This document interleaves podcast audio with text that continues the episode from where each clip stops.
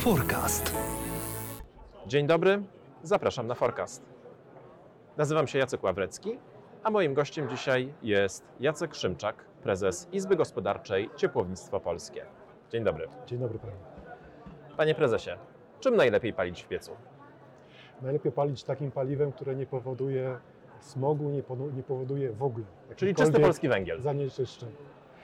Oczywiście węgiel też może być spalany w technologiach takich, że zanieczyszczenie jest e, minimalne, ale chociażby nawet i podczas dzisiejszego panelu poświęconemu ciepłownictwu polskiemu bardzo wiele mówiono o dywersyfikacji paliw, Mhm. jaka jest przed nami, bo póki co 74% paliwa stanowi węgiel, Mhm. 7-8% gaz, 7-8% źródła odnawialne. Czy to są liczby dla, tylko dla ciepła systemowego, Tak. czy to są liczby w ogóle dla wszelkich form ogrzewania? To są liczby dla ciepła systemowego, czyli dla przedsiębiorstw, które mają koncesje i to są dane oficjalne Urzędu Regulacji Energetyki.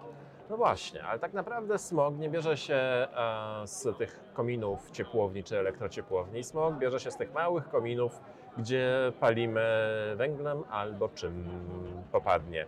Co zrobić, żeby tą niską emisję skutecznie zwalczyć i ile to potrwa?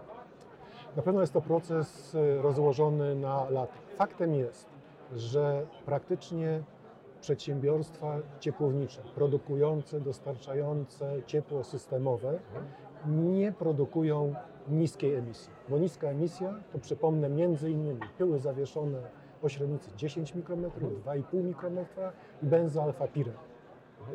My praktycznie tych emisji nie produkujemy. W związku z tym pytanie, co zrobić, żeby w jak największym stopniu rozwinąć ciepłownictwo systemowe, ponieważ jesteśmy jednym z efektywnych narzędzi do walki o czyste powietrze. I o tym właśnie była dyskusja i rozmowa, bo trzeba, przepraszam, tylko jeszcze podkreślić bardzo wyraźnie. Oczywiście samo ciepło systemowe nie rozwiąże w 100% problemu ogrzewania. Nie wszędzie dojdziemy z naszym produktem, jest to zupełnie naturalne.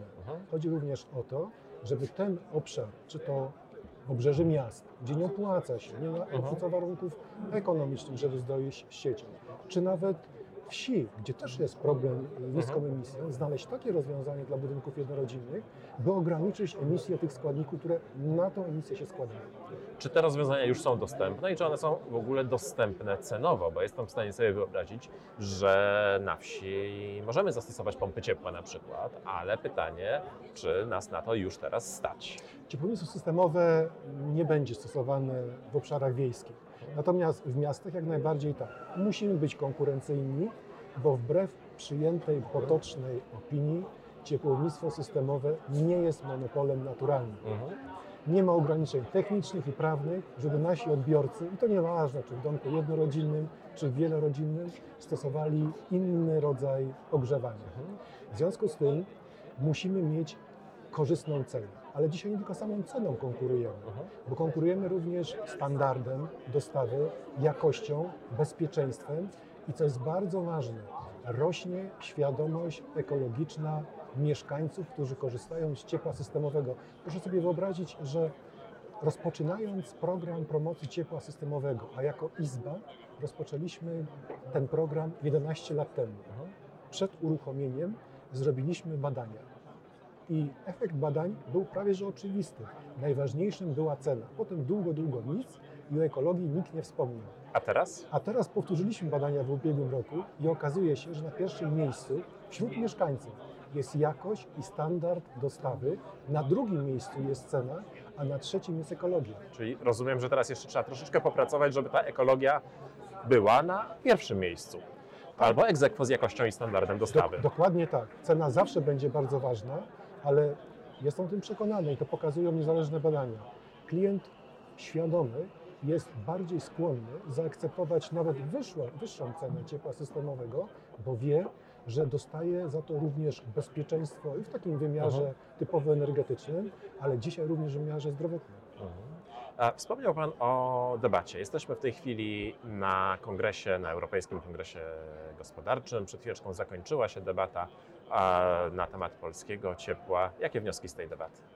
Bardzo dobrze, że podczas y, debaty dyskutowano o celach dla sektora ciepłownictwa systemowego, ale również i dla całego sektora i to w tej perspektywie najważniejszej do 2030 roku.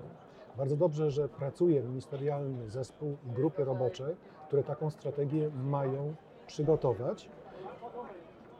Wierzymy, że wypracowane rozwiązania będą się przekładać na rozwiązania prawne jeszcze w 2019, a na pewno już w 2020 roku.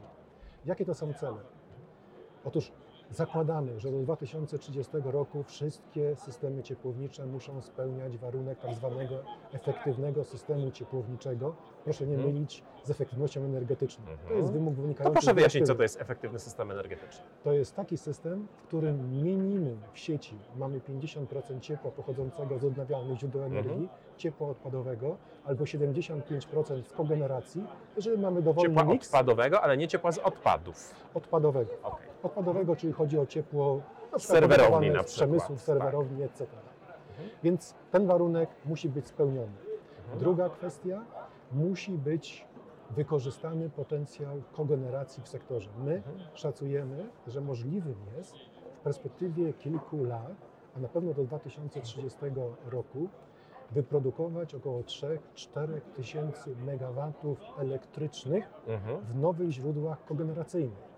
I to jest potencjał, który musi być wykorzystany nie tylko ze względów ograniczenia emisji, poprawy efektywności, ale również z punktu widzenia bezpieczeństwa elektroenergetycznego kraju.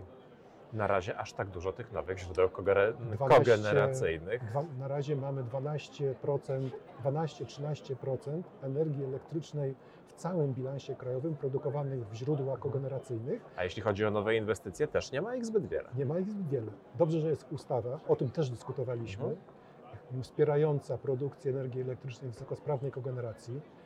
Do ubiegłego piątku był Mhm. czas na złożenie uwag do rozporządzeń do tej ustawy określających m.in. wysokość premii gwaran- gwarantowanych kogeneracyjnych.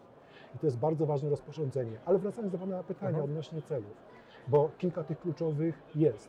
Kolejnym niezwykle istotnym, który umożliwi rozwój sektora ciepłownictwa systemowego jest wprowadzenie rozwiązań prawnych regulujących stany dla sieci, stany prawne. Dzisiaj zrealizowanie inwestycji w mieście, żeby przejść przez działki należące do kilku, kilkunastu, kilkudziesięciu, Mówimy o stanach własnościowych, Stanach mówimy o kwestii, własnościowych. kwestii własności gruntu, Dokładnie służebnościach tak. i tak dalej. między innymi.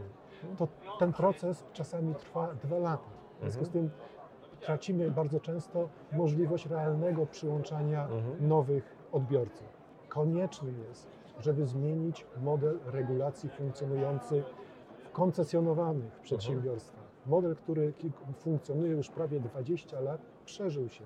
Dzisiaj na przykład nie jest w stanie przenieść kosztów niezależnych od przedsiębiorstw ciepłowniczych, chociażby związanych ze wzrostem kosztów uprawnień do emisji CO2. A Przypomnę, że w minionym roku ten wzrost był na poziomie 300%. Mhm. Kolejna sprawa musi również znaleźć się mm, przygotowywanej strategii, odpowiednie podejście takie strategiczne do budynku.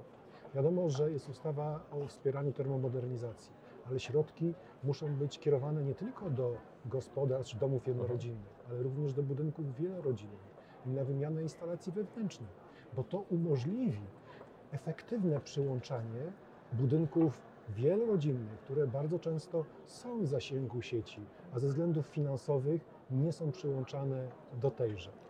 I jeszcze jeden aspekt, który bardzo często mm, umyka uwadze również i osób odpowiedzialnych za tworzenie prawa.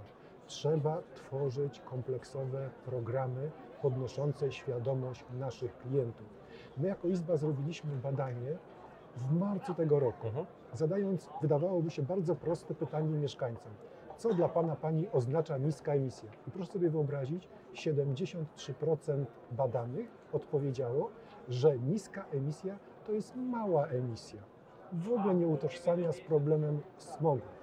Zatem konieczność edukacji jest tak samo ważna, jak dobrze dedykowane środki na realizację inwestycji. Które z tych wielu wyzwań, o których Pan powiedział, jest Pana zdaniem największe?